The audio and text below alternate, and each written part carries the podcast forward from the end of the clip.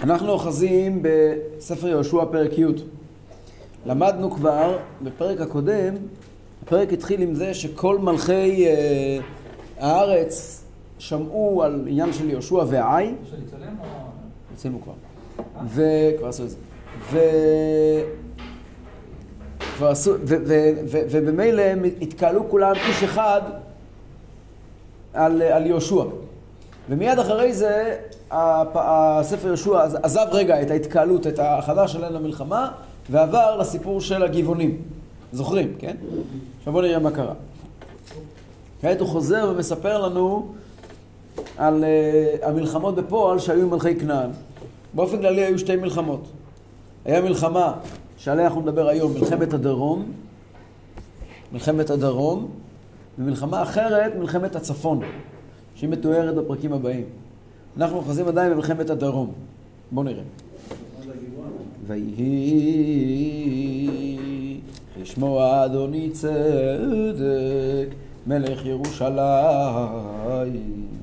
כי לחד יהושע את האי ויחר עמה כאשר עשה על יריחו ולמלכה כן עשה לה ולמלכה וכי השלימו יושבי גבעון את ישראל ויהיו בקרבם. שימו לב כמה דברים הוא שומע, מה האינפורמציה שהוא מקבל.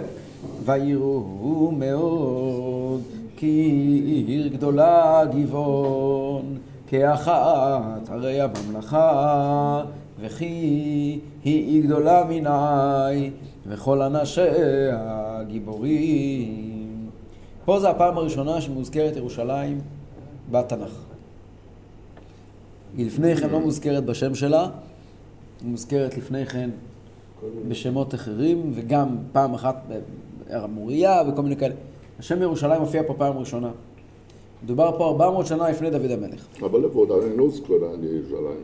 עד כאן לא הוזכר... מה? קראי כשמו אדוני צדק מלך? אה, ירושלים. אה. מילא הוא שומע כל מיני אירועים, אדוני צדק, אגב, מלכי ירושלים תמיד נקראו עם כל מיני צדק, כמו הפעם הראשונה שירושלים נזכרת בתורה, לא בשם ירושלים, אלא בשם שלם, זה ויבוא מלכי צדק מלך שלם, זוכרים, כן? צדק ילין בה, עיר הצדק, ירושלים נקראת עיר הצדק, לכן שם נמצא, לכן שם נמצא בג"ץ. אז אה, לא סתם. אז הוא שומע... גם בג"ץ וגם בד"ץ. כן. אז הוא שומע על מה, ש... מה שבעצם קורה ממש מתחת הבית שלו.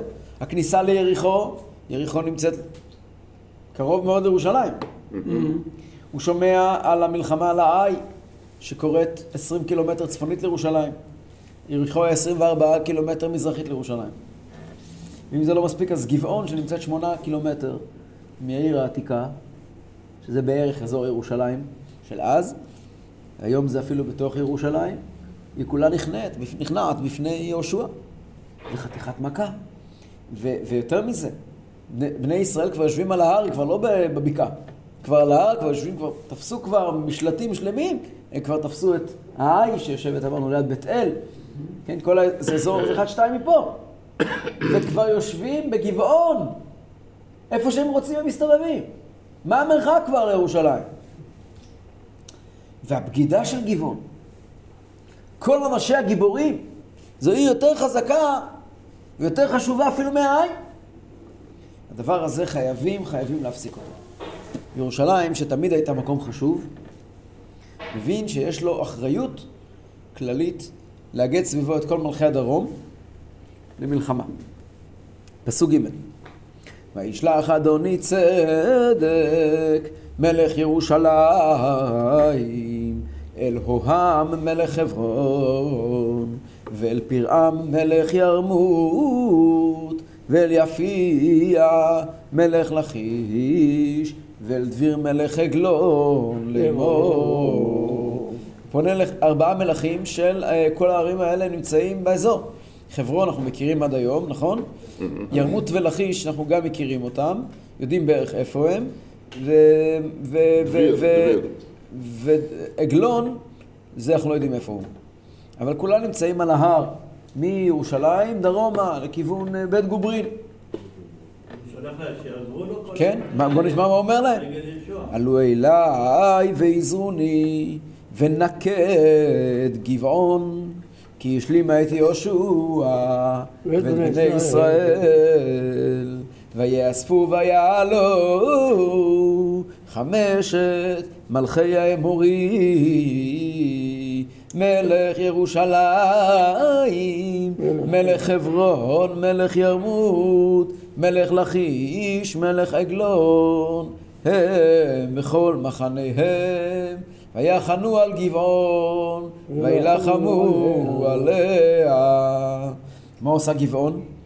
וישלחו אנשי גבעון אל יהושע אל המחנה הגלגל לאמור על טרף ידיך מעבדיך עלי אלינו מהרה. והושיע לנו ועוזרנו כי נקבצו אלינו כל מלכי האמורי יושבי ההר. כן זה ההר, הדרומי ויעל יהושע מן הגלגל הוא וכל העם המלחמה עמו וכל גיבורי החיל יהושע יושב בגלגל עדיין והם עולים מהגלגל למעלה ל... ל... ל... רבנו, יש לנו פה במ- בעמוד עוד ארבע דפים, 110, רואים את המפה. נכון, נכון, נכון, נכון, נכון, נכון, כבר אנחנו נעמוד ונראה את זה.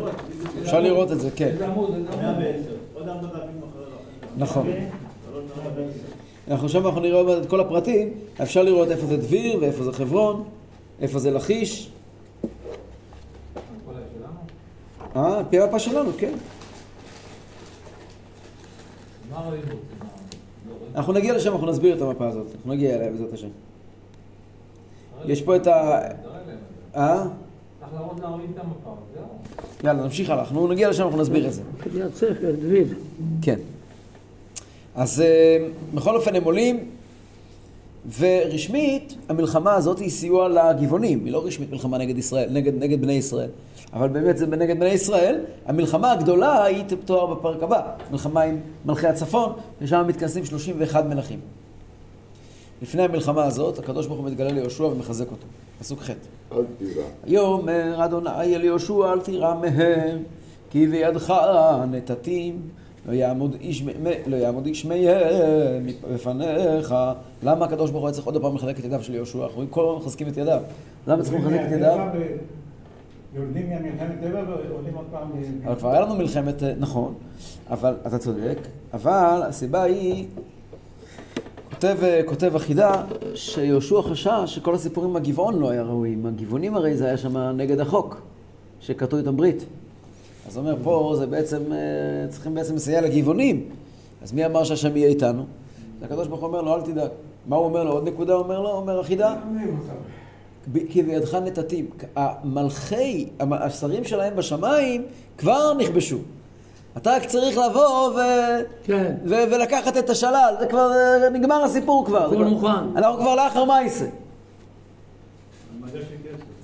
ויבוא עליהם יהושע פתאום כל הלילה עלה מן הגלגל ויהומם אדוני לפני ישראל ויקם מכה גדולה בגבעון וירדפם דרך מעלה בית חורון ויקם עד עזקה ועד מקדה עוד רגע נראה לכם במפה, עוד מעט נסתכל עליה, איפה זה.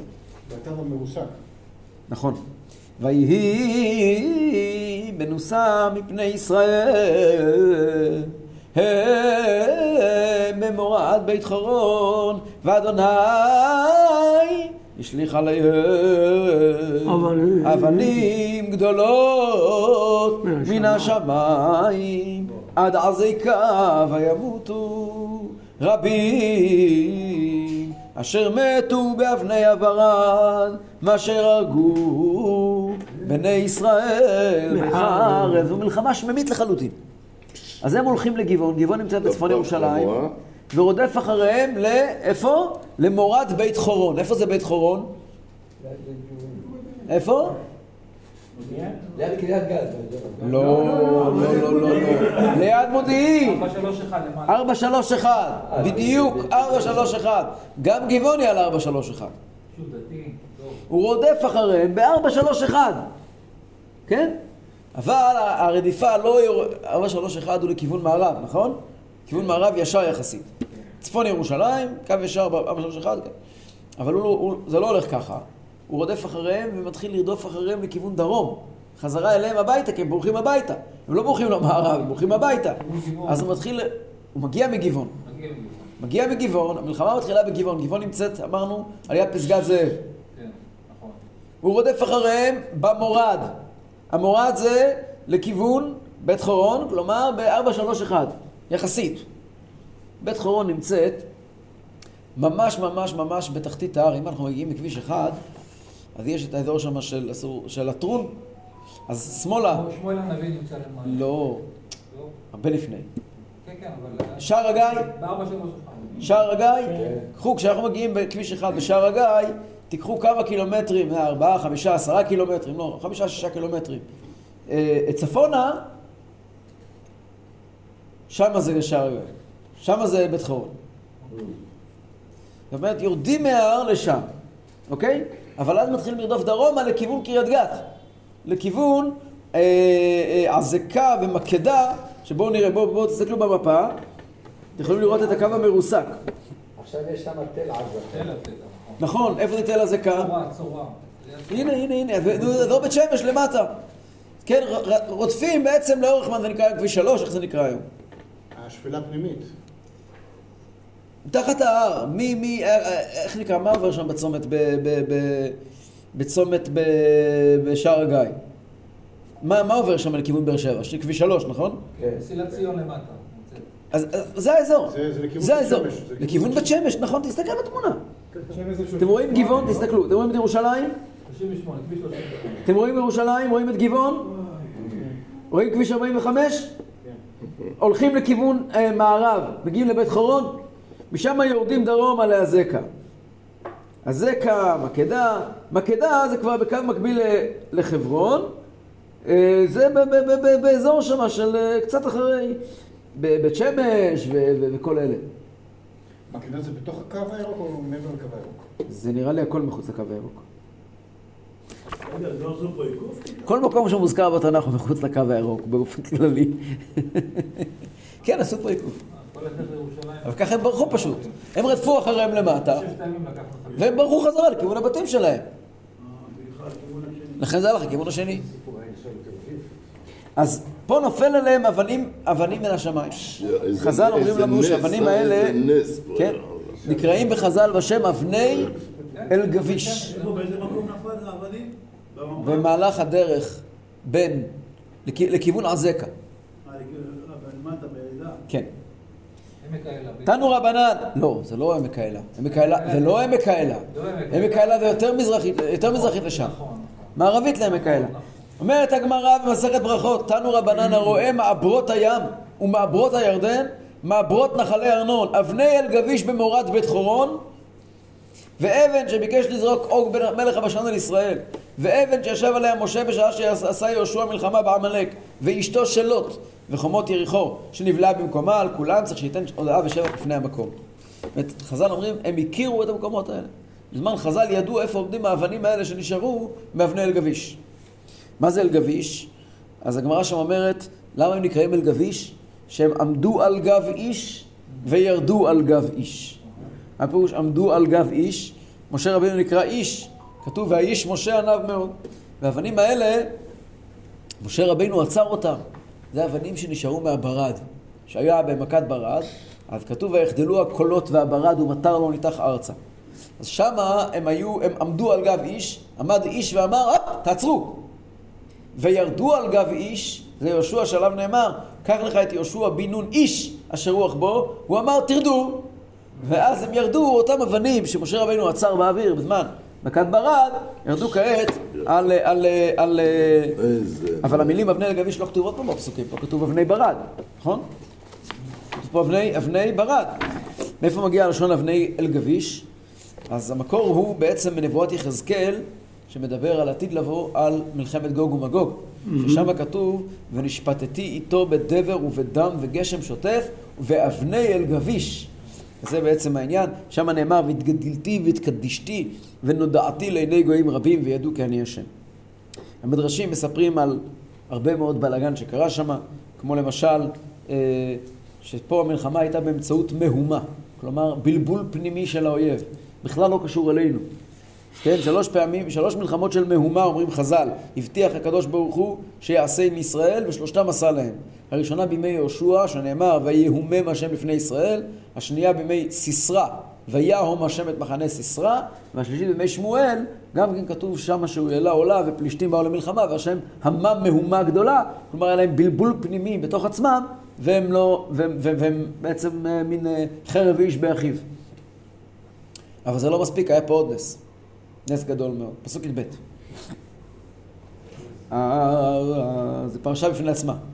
אז ידבר יהושע לאדוני ביום תאת אדוני את האמורי לפני בני ישראל ויאמר לעיני ישראל שמש בגבעון דום וירח בעמק איילון וידום השמש וירח עמד עד יקום גוי אויביו הלא היא כתובה על ספר הישר. ויעמוד השמש בחצי השמיים ולא אץ לבוא כיום תמיד ולא היה כיום ההוא לפניו ואחריו לשמוע אדוני בכל איש כי אדוני נלחם, ל... נלחם לישראל. שלוש הפסוקים האלה הם פרשה בפני זה עצמה. לא. מה היא אומרת? יהושע לא רצה לאבד את המומנטום של הניצחון. הוא ראה שמה שמספיקים היום זה היום. מה שלא יהיה היום, מי יודע מתי יקרה. אז הוא התפלל, הוא רצה שעם ישראל יקום גוי אויביו, שעם ישראל יקום, לשון נקמה, באויביו. אז הוא מבקש לנקום בחמת... עכשיו לגמור את העניין, ולכן שמש בגבעון דום. אגב, שמש בגבעון דום, המלחמה מתחילה. עכשיו אתם מבינים את זה. המלחמה בגבעון, ולאיפה יורדים? עמק בית חורון, למורד בית חורון. לאיפה מורד בית חורון יורד? בית-חורון יורד. לעמק איילון. כן, זה מאוד ברור, המשפט הזה הוא מאוד, הוא בהקשר הנכון. איפה זה, איפה זה עמק שמש. לא, לא. הייתה לו זכור אני קצת. ב- ב- עמק איילון זה השטח, זה איפה ש- של הטרון. זה השפלה פנימית. אה, זה השפלה הפנימית, זה כן. אז. מורד בית חורון יורד מהר- מהרי ירושלים אל עמק איילון. פארק נכון. איילון פארק יש נחל איילון, יש מה שאתה רוצה. איילון זה שטח גדול. זה בעצם, זה הכביש הגדול, אנחנו שאנחנו נוסעים מירושלים, נוסעים לכאן. אז אה, כשאנחנו בין מחלף ענווה, כן? הצד ל-. ל... ל... ל... משער הגיא עד מחלף ענווה, יש שם איזה נחשון. 15-20 קילומטר שנוסעים ככה בקו ישר, חוצים שדות, זה בכאלה. בכל אופן, בואו נראה. אז למה זה מופיע באופן נפרד? למה לא סופר על זה קודם? פה מדברים, הסתיימה המלחמה, ופתאום, מה, מה קורה כאן? אז אפשר ללמוד שזה בעצם שירה. זאת שירה שיהושע אומר אחרי המלחמה. והשירה הזאת בעצם מספרת פרטים שלא נאמרו קודם, רואים את זה בעוד שירות בתנ"ך. שבזמן השירה, שירת הים. בפרשת הים, כתוב שבני, שהמצרים נכנסו בים וטבעו. פתאום בשירה אתה שומע, אה, צללו כעופרת, וכל מיני פרטים שלא ידעת קודם. או אצל דבורה, כן, כולם מכירים את הסיפור של דבורה הנביאה, מההפטרה של פרשת בשלח. אז בפרשה, בהפטרה מסופר המלחמה של יבין מלך, מלך כנען, סיסרא, וכל הפרטים הפיקנטיים לא מופיעים בסיפור, מופיעים בשירה. אז גם פה, השירה מספרת לנו דברים שלא ידענו קודם. כן, הפתיח הוא אז ידבר יהושע, זה מזכיר לנו את אז ישיר משה, או, אה, כן, גם כן, אה, אה. תרגום חמשת- יונתן, וכן שבח יהושע. תראה כתוב חמשת מלכי הקואליציה. כן, כן, כן, כן, הוא מצווה להרוג אותם. כן, כן, כבר נראה. אה? כבר נראה את זה. אה. כן, אז באמת, אם אתם רוצים, יש פה חז"לים אחרי הפרקים, אתם יכולים להסתכל לראות אותם. אז יש לכם בעמוד אה, 112, יש עשר שירות שנאמרו והשירה החמישית היא השירה של יהושע. אז ידבר יהושע. והשירה העשירית תהיה לעתיד לבוא. טוב, למה היה כל כך חשוב לעצור את השמש? אז, אה. אז, אז יש כמה הסברים. אחד ההסברים הופיע אצל החידה. חידה אומר שזו המלחמה הזאת הייתה ביום שישי, ערב שבת. ויהושע לא רצה להילחם בשבת. מותר להילחם בשבת, עד רדתה. אבל אם תהיה מלחמה בשבת, תהיה כמו ביריחו. יהושע יצטרך להחרים שלא יוכלו לקחת מהרכוש כלום. אז העניין הזה, שיהושע לא רוצה להסתבך כמו בהאי, אז לכן הוא רצה ש- לעצור את השמש. מה פירוש, אנחנו קוראים, הלא היא כתובה על ספר הישר. אז אה, מה זה זה? מה שנקרא שכם תקיא אותו. כן. נכון, נכון. אבל יהושע אומר, נכון, נכון. ויהושע אומר, הלא היא כתובה על ספר הישר. מה זה ספר הישר? אז יש כמה דעות. מסכת עבודה זרה מופיע כמה דעות, יש לכם בעמוד מספר 114. כמה דעות, תביא שם, יש שם ספר מיותר?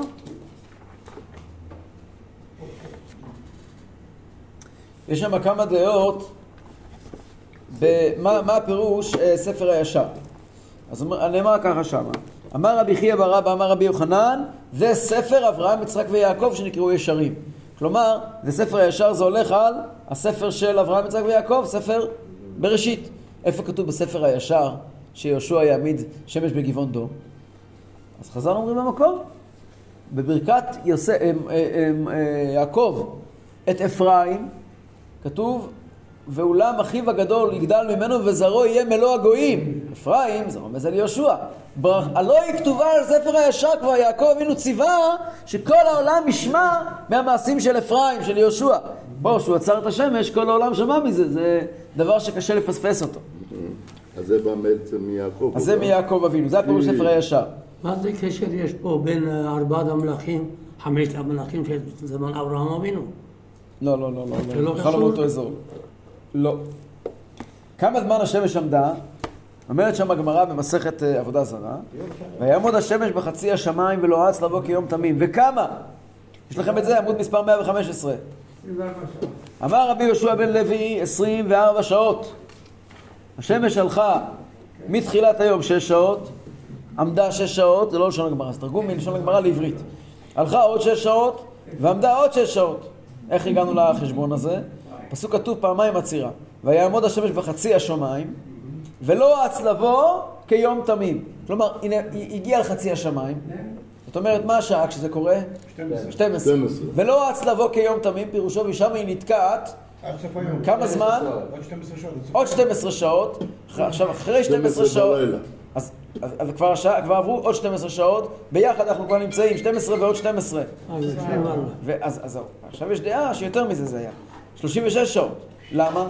הדעה הבאה, 12 שעות, שם היא נתקעה 12 שעות כיום תמים, ואז היא שוקעת, אז זה עוד 12 שעות.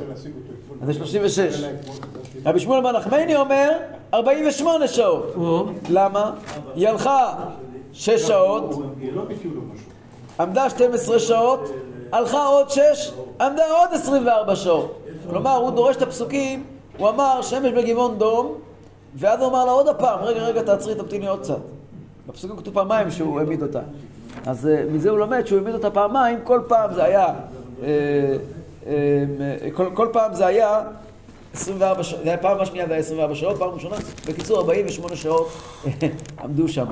ככה אומר רבי שמואל בר נחמני. אז זה כמה דעות, כמה זמן היא עמדה. רגע, רגע, הרב, יש לי שאלה. אנחנו לומדים, יודעים, שמבריאת העולם עד היום סופרים את השבת, שבת הבא שבעה ימים.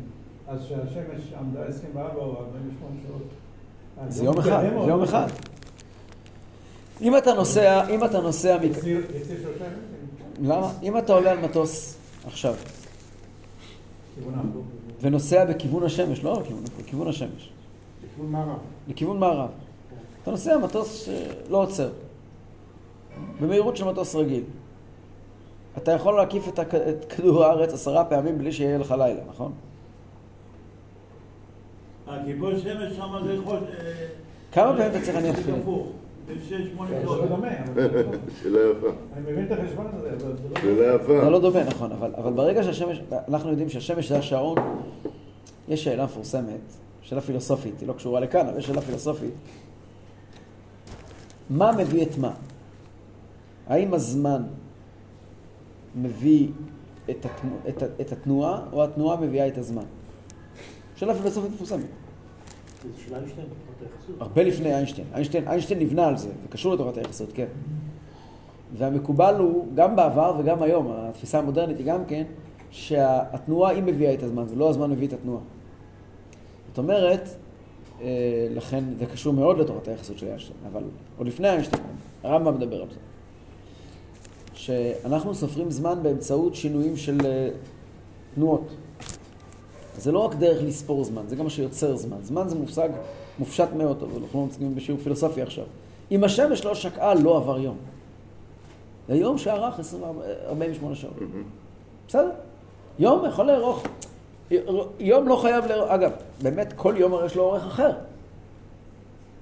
נכון? ו, וגם היסטורית יש איזשהו הבדל כלשהו, ב, ב, יש שינויים באורך של היום. בכלל המדידה היא, היא, היא דבר מאוד מאוד מאוד אה, חשוב ומרכזי, שהוא נוגע להמון המון דברים.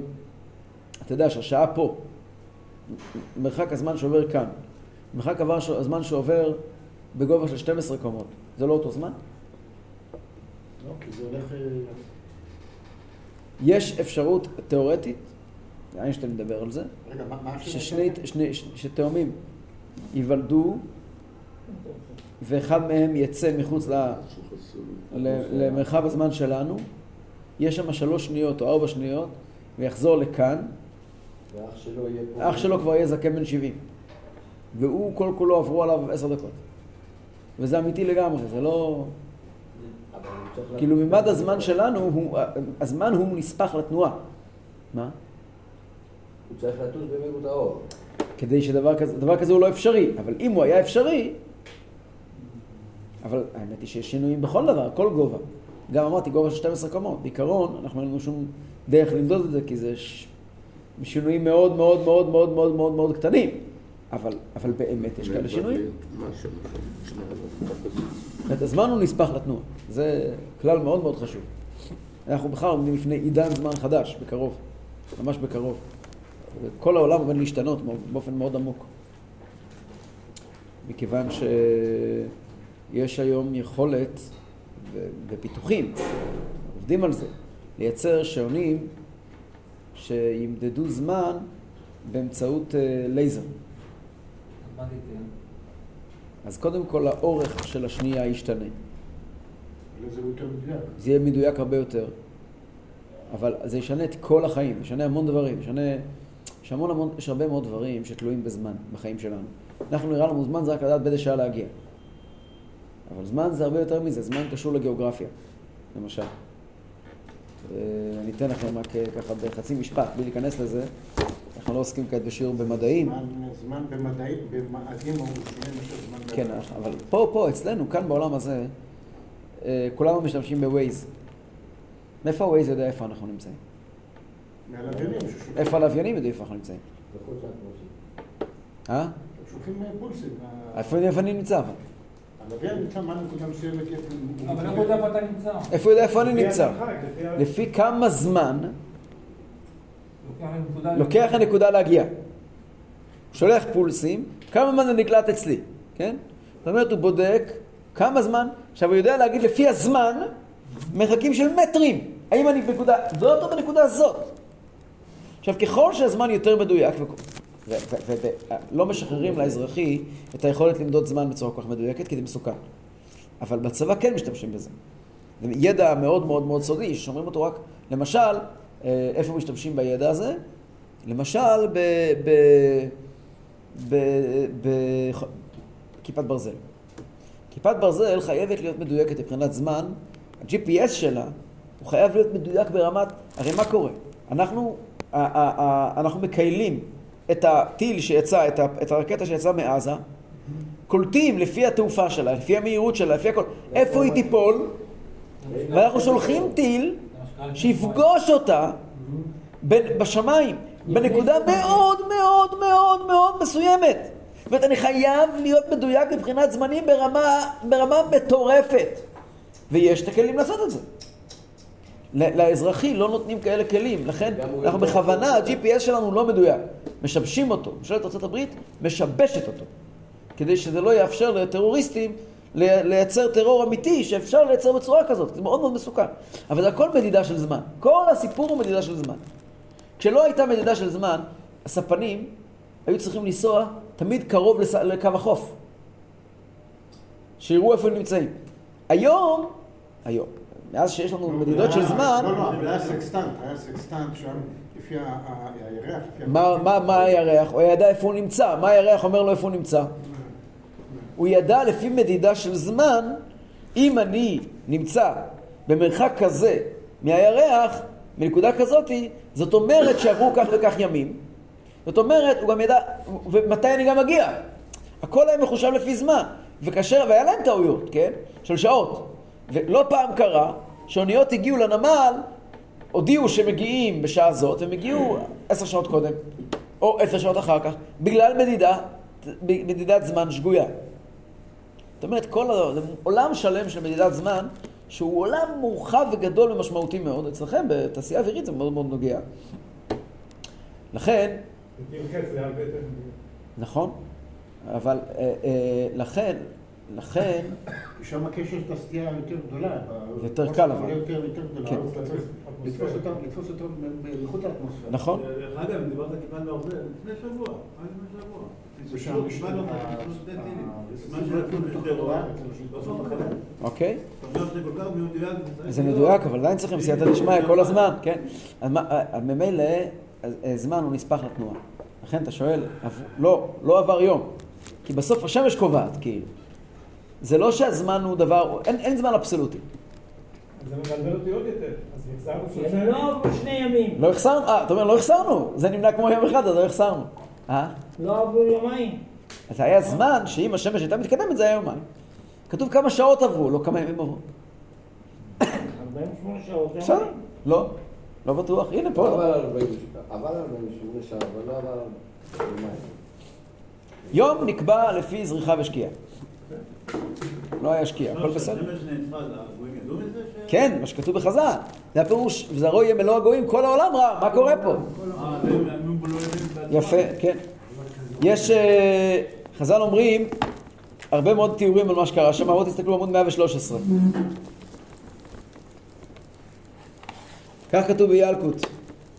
זהו שאמר הכתוב ממזרח שמש עד מבואו מהולל שם השם. משעה שהשמש זורח עד שהוא שוקע, מקלס לקדוש ברוך הוא. וכן את מוצא בשעה שעמד יהושע בגבעון וביקש לשתק את החמה. לא אמר שמש בגבעון עמוד, אלא שמש בגבעון דום. דום. מה זה דום? שתוק. שתוק. דממה. למה? כי השמש היא הילוכה זהו כילוסה. היא נותנת, היא אומרת שירה לקדוש ברוך הוא.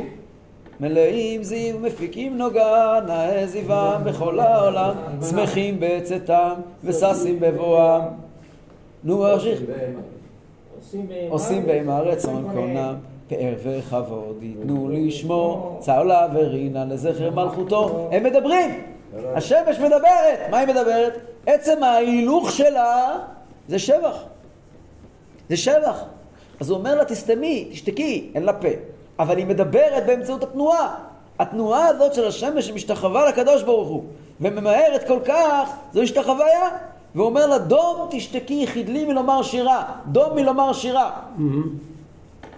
אלא השמש בגבעון דום. לכל שעה שהוא הולך, הוא מקלס לקדוש ברוך הוא. וכל שעה שהוא מקלס יש בו כוח לעמוד. כל הכוח של השמש יפה. לכך, או, או, בגלל שהשמש הולכת, כבר אנחנו נראה עוד רגע, זה נותן כוח לגויים. כבר נראה את זה עוד מעט. למה? מה זה מקלס? מקלס אומר שירה. אומר שירה. כן. וכך אמר לו יהושע דום. אמר לו השמש, אתה אומר לי דום, יש קטן פותח פיו ואומר לגדול ממנו דום? אני נבראתי ברביעי, ואתה נבראת בשישי, ואתה אומר לי דום? אני יותר זקנה ממך, אתה אדם. האדם נברא בשישי, אני שמש, נבראתי ברביעי. כן. כבוד, נכון. כבוד. יש שמש פרסייה, היא רצה, הוא יש כבוד. אמר לו יהושע, בן חורין קטן, שיש לו עבד זקן, אינו אומר לו שתוק? אם ישנו עבד קטן ויש לו, אה, אה, עבד זקן שיש לו בעל הבית קטן, הוא לא אומר לו לשתוק? לא קנה אברהם אבינו השמיים וכל מה שבתוכו? שנאמר, ברוך אברהם לקל עליון קונה שמיים וארץ. ולא זו בלבד, אלא שנשתחווית כעבד לפני יוסף זקני. שנאמר, והנה השמש והירח ואחד עשרה כוכבים משתחווים לי. אמר לו השמש, אתה אומר שאדום? ומי אומר קילותו של הקדוש ברוך הוא? אמר לו, שתוק, ואני אומר. שנאמר, אז ידבר יהושע, ואין אז אלא שירה, שנאמר, אז ישיר משה. טוב, יש פה הרבה מאוד סודות ועניינים שאני רוצה לדבר עליהם. אז בעצם יש פה שתי, אה, יש פה כמה וכמה עניינים מעניינים. יש אה, בעלי התוספות, כותבים ככה, מסבירים את הסוגיה הזאת ככה. ישנם שני סוגים של שירה.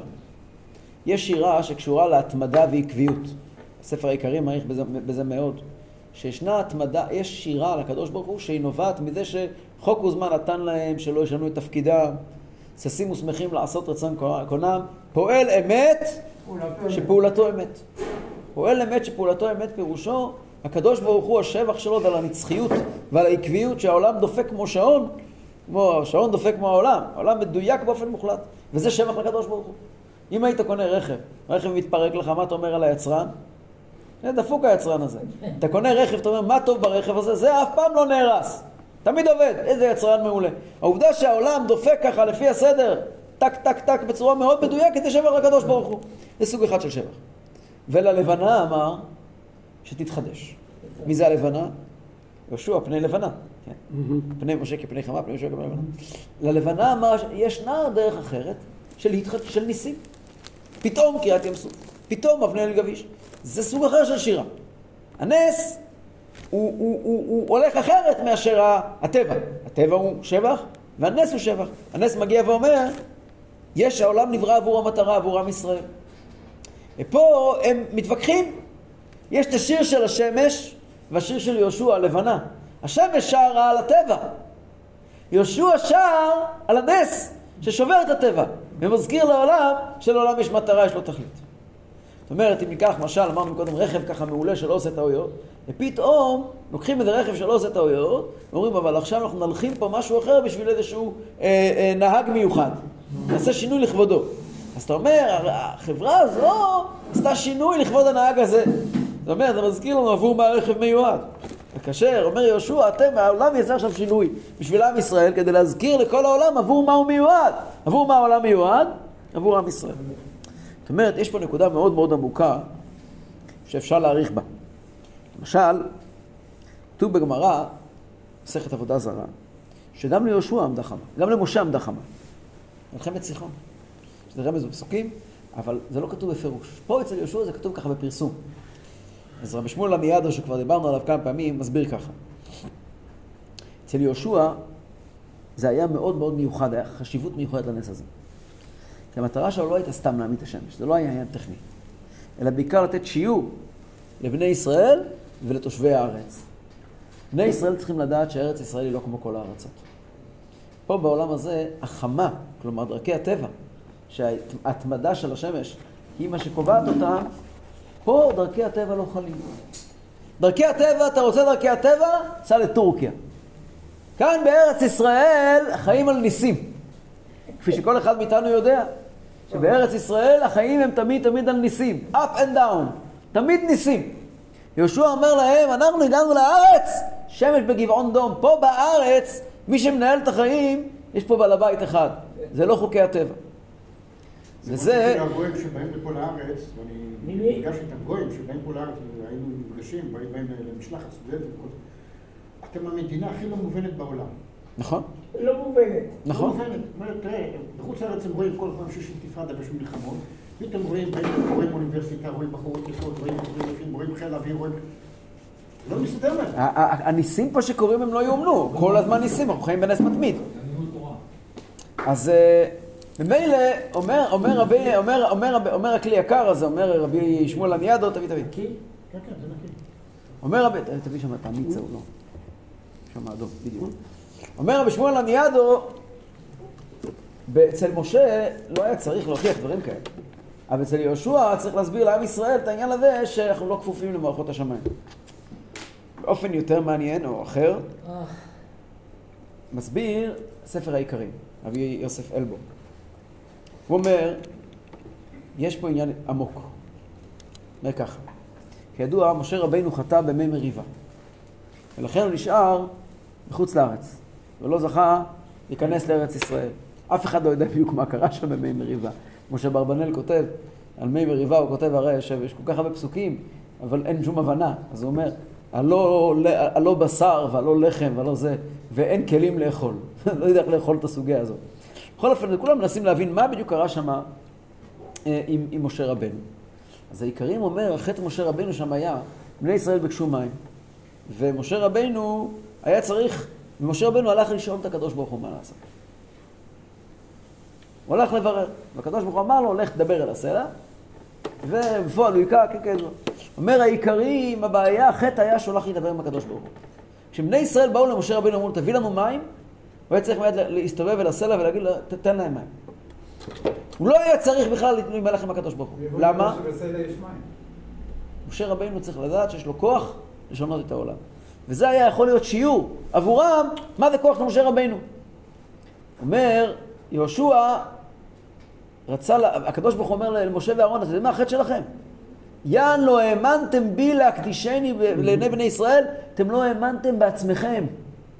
אם הייתם מקדישים אותי בעיני בני ישראל מתוך אמונה בכוח שלכם, יש פה חילול השם שאתם לא מאמינים לעצמכם.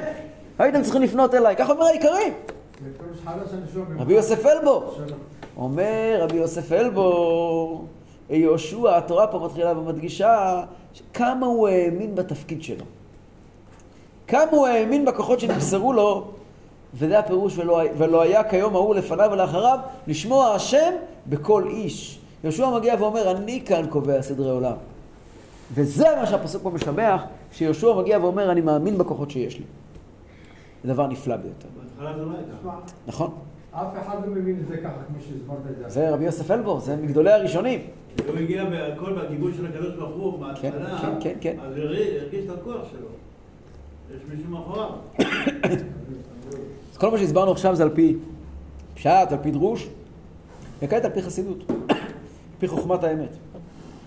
אז קודם כל, חוכמת האמת וקבלה. נתחיל עם הפירוש על פי קבלה, ומשם נעבור על פי חסידות.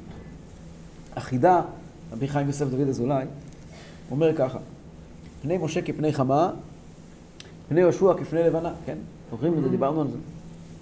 שחמה מעמיד חמה, זה לא חוכמה. כשמשה רבינו אומר לשמש לעצור, big deal. כשפני יהושע כפני לבנה אומר לחמה לעצור, זה לא היה דבר כזה. מה, מה, מה, מה העניין? אז בחסידות מוסבר ככה. מה ההבדל בין משה ליהושע? משה מגלה את התגלות השם בעולם. משה הפה שלו זה דבר השם. מה שיוצא מהפה של משה רבינו זה תורה. יהושע, בפני לבנה, הוא מתאר את המאבק האנושי להתקרב להשם. זה לא התגלות של הקדוש ברוך הוא מוחלטת, אלא המאבקים שלנו. משה רבינו, כל ההתנהלות שלו זה למעלה מדרך הטבע לגמרי, הוא בכלל לא קשור עם טבע. יהושע מבטא את המאמצים שלנו להילחם על ארץ ישראל, על המלחמה הפנימית שלנו, עם היצר הרע שלנו, עם, ה... עם הארץ כנען שלנו, עם מלכי האמורי שלנו. וזה סיפור הרבה יותר מורכב. יהושע מגיע ואומר, תדע לך, הרגע שאתה בא להילחם עם היצר הרע ואתה בא לעשות מצווה, אז שמש בגבעון דום. אתה יכול לעצור את השמש. מה פירוש? אתה יכול לעלות במדרגה יותר גבוהה ממשה רבנו. איך?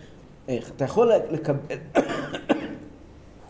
אתה קיבלת מלמעלה כוחות מבחינת משה רבינו, ואתה יכול לבד לשנות יותר ממה שקיבלת. לא משה רבינו כפשוטו. מהכוחות שקיבלת, קיבלת כוחות, אתה יכול להתעלות למעלה מהכוחות שקיבלת. זה הפירוש, לא, הקדוש ברוך הוא נתן לך יכולת, אדם נתן, הקדוש ברוך הוא נותן לבן אדם יכולת להתמודד, הקדוש ברוך הוא נותן לבן אדם כוח סבל, ויכולת. ואדם יכול להמציא את עצמו מחדש ו- ולברום מח- בתוכו כוחות חדשים. זה הפירוש, ולא היה כיום ההוא כלפניו ולאחריו לשמוע השם בכל איש. השם זה רומז על ההתגלות של הקדוש ברוך הוא אלינו. איש זה המאמצים שלנו. וזה מסביר מה שכתוב במפרשים, במדרשים, כתוב שיהושע החזיק ש- ספר משנה תורה, רמב"ם, אה, לא רמב"ם, אה, ספר דברים. כל נגע, לא לא ימוש ספר התורה הזה מפיך. אז הוא הרים את, את ספר דברים אל השמש, כך כתוב. הוא אמר לקדוש ברוך הוא, הוא אמר לשמש, כשם שלא דממתי מזה, כך דום לפניי. אני מעולם לא הפסקתי ללמוד ספר דברים, אתה תעצור מלפניי. למה דווקא ספר דברים? למה הוא לא הרים את ספר בראשית? ספר דברים נקרא משנה תורה. זה מה שקשור למשה רבינו חוזר על התורה פעם שנייה, כלומר זה קשור כבר יותר לעבודת האדם. הוא אומר כשם, לעבודת האדם, כשם שאני לא הפסקתי רגע לעבוד את השם. ספר דברים מסמל בעיקר את המקום של היהודי לעבודת השם, אז, אז, ואני שוקד, ואני, אז המאמצים האלה שלי גוברים על, על, על, על פני חמה, על ההתגלות האלוקית הטבעית מצד עצמה. עוד מוסבר בחסידס. ללמוד, משה רבנו הוא היה משמש שלו, ראה את כל ההתנהגות שלו, מה, כל דבר איך הוא דיבר עם העם, איך הוא זה, איך הוא זה, אז כשהוא קיבל את התפקיד הוא כבר ידע פחות או יותר איך להתנהג ואיך לדבר, נכון, נכון. נכון. נכון. עוד כתוב בחסידס, שגם הפעולה של יהושע להפוך את הלילה ליום, זה בדיוק הרעיון הזה. מה קשור משה ולילה? משה בכלל לא יודע מה זה, אצל משה אין לילה בכלל, באופן רוחני. יהושע יודע מה זה לילה, יודע מה זה קושי החיים, מה זה המא- המאבק וה... על הארץ במובן פסיכולוגי. הוא יכול להפוך אור חושך לאור. רק מי שמתמודד יכול להפוך. ויהושע עשה את זה, מאז אנחנו לא רואים את זה. המלחמות שלנו עם היצר הרע שלנו ועם ההתמודדויות שלנו ועם הכאבים שלנו ועם ה... כל אחד והאתגרים הקשים, לפעמים אנחנו כן רואים לילה, אנחנו לא מצליחים תמיד להפוך חושך לאור. אבל צריכים לדעת שזה היה הצהרת כוונות. כשמשיח יבוא אנחנו נגלה איך שבעצם כל הזמן של הגלות אנחנו הפכנו כל הזמן חושך לאור. ואז יהיה לילה כיום יאיר. עוד מקור, עוד נקודה כתובה בשיחות של הרבי, שיש לזה גם כן משמעות לחיים שלנו. בקוטעי שיחות הרבי מסביר שהשמש מזכירה את ה... היא מאירה לעולם, כן? היא מזכירה את העבודה של יהודי שעובד בעולם, הולך לעבודה, עובד, עושה כל מיני דברים בעולם כדי לעבוד את השם. יהודי קם בבוקר, הולך לעבוד, זה סוג של עבודת השם, זה שירתה זהו כאילו שא. הוא שר את השירה של השמש בכל מה שהוא עושה. השירה של יהושע זה שירה של הנשמה, של ההתחדשות, שיותר גבוהה משירת הטבע, זה מי שיושב ולומד תורה. מי שיושב ולומד תורה, אז הוא מחובר לספר משנה תורה, הוא מגיע ואומר, אני לא אכפת לי שיש עולם, לא אכפת לי שיש דרכי הטבע, אני מחובר עם אה, אמת השם, לא מעניין אותי. הוא מגיע ואומר, יש ויכוח. מגיע השמש ואומרת לבן תורה, יש סדר, צריך לעבוד, צריך להביא פרנסה הביתה. היא צודקת. אבל כאשר הוא דבק באמת בספר, הוא אומר לה, סליחה, אני מנהל את העולם. והוא מצליח. האם זה אומר שכולם צריכים כעת ללכת, לעזוב את כל העבודה שלהם, ללכת אה, ללמוד תורה? לא. אבל, אבל אה, בזמנים מסוימים כן. כאשר אנחנו נמצאים, יש אה, בחורי ישיבה בוודאי שכן, גם יהודים בגמלאות בוודאי שכן, אבל גם אנשים באמצע החיים צריכים לקחת לעצמם פה ושם שעות, גם על חשבון שעות העבודה, ולהגיד, עכשיו אני יהושע, אני לא משה, עכשיו אני יהושע ולא שמש. אני יוצר את השמש כדי ללמוד תורה, כדי לעשות משהו שהוא לא, לא טבעי, כי זה הדבר האמיתי. אוקיי, זה, אה, יש עוד נקודה שלמה בחסידות שלא לא, לא דיברתי עליה, שמוסבר שבעצם כל הקיום של מלכי כנען נובע מכוח הטבע. ויהושע, באמצעות העמדת השמש, מגיע ואומר, טבע זה שום דבר, מאלו לוקח להם את הכוחות שלהם. ולכן הוא יכול לנצח אותם. כי הם פגאנים, כל העמים האלה הם פגאנים מאמינים בכוחות הטבע, לא מאמינים ב- באלוהות. הוא זהו, זה... סיימנו עם ספר יהושע להיום, כן.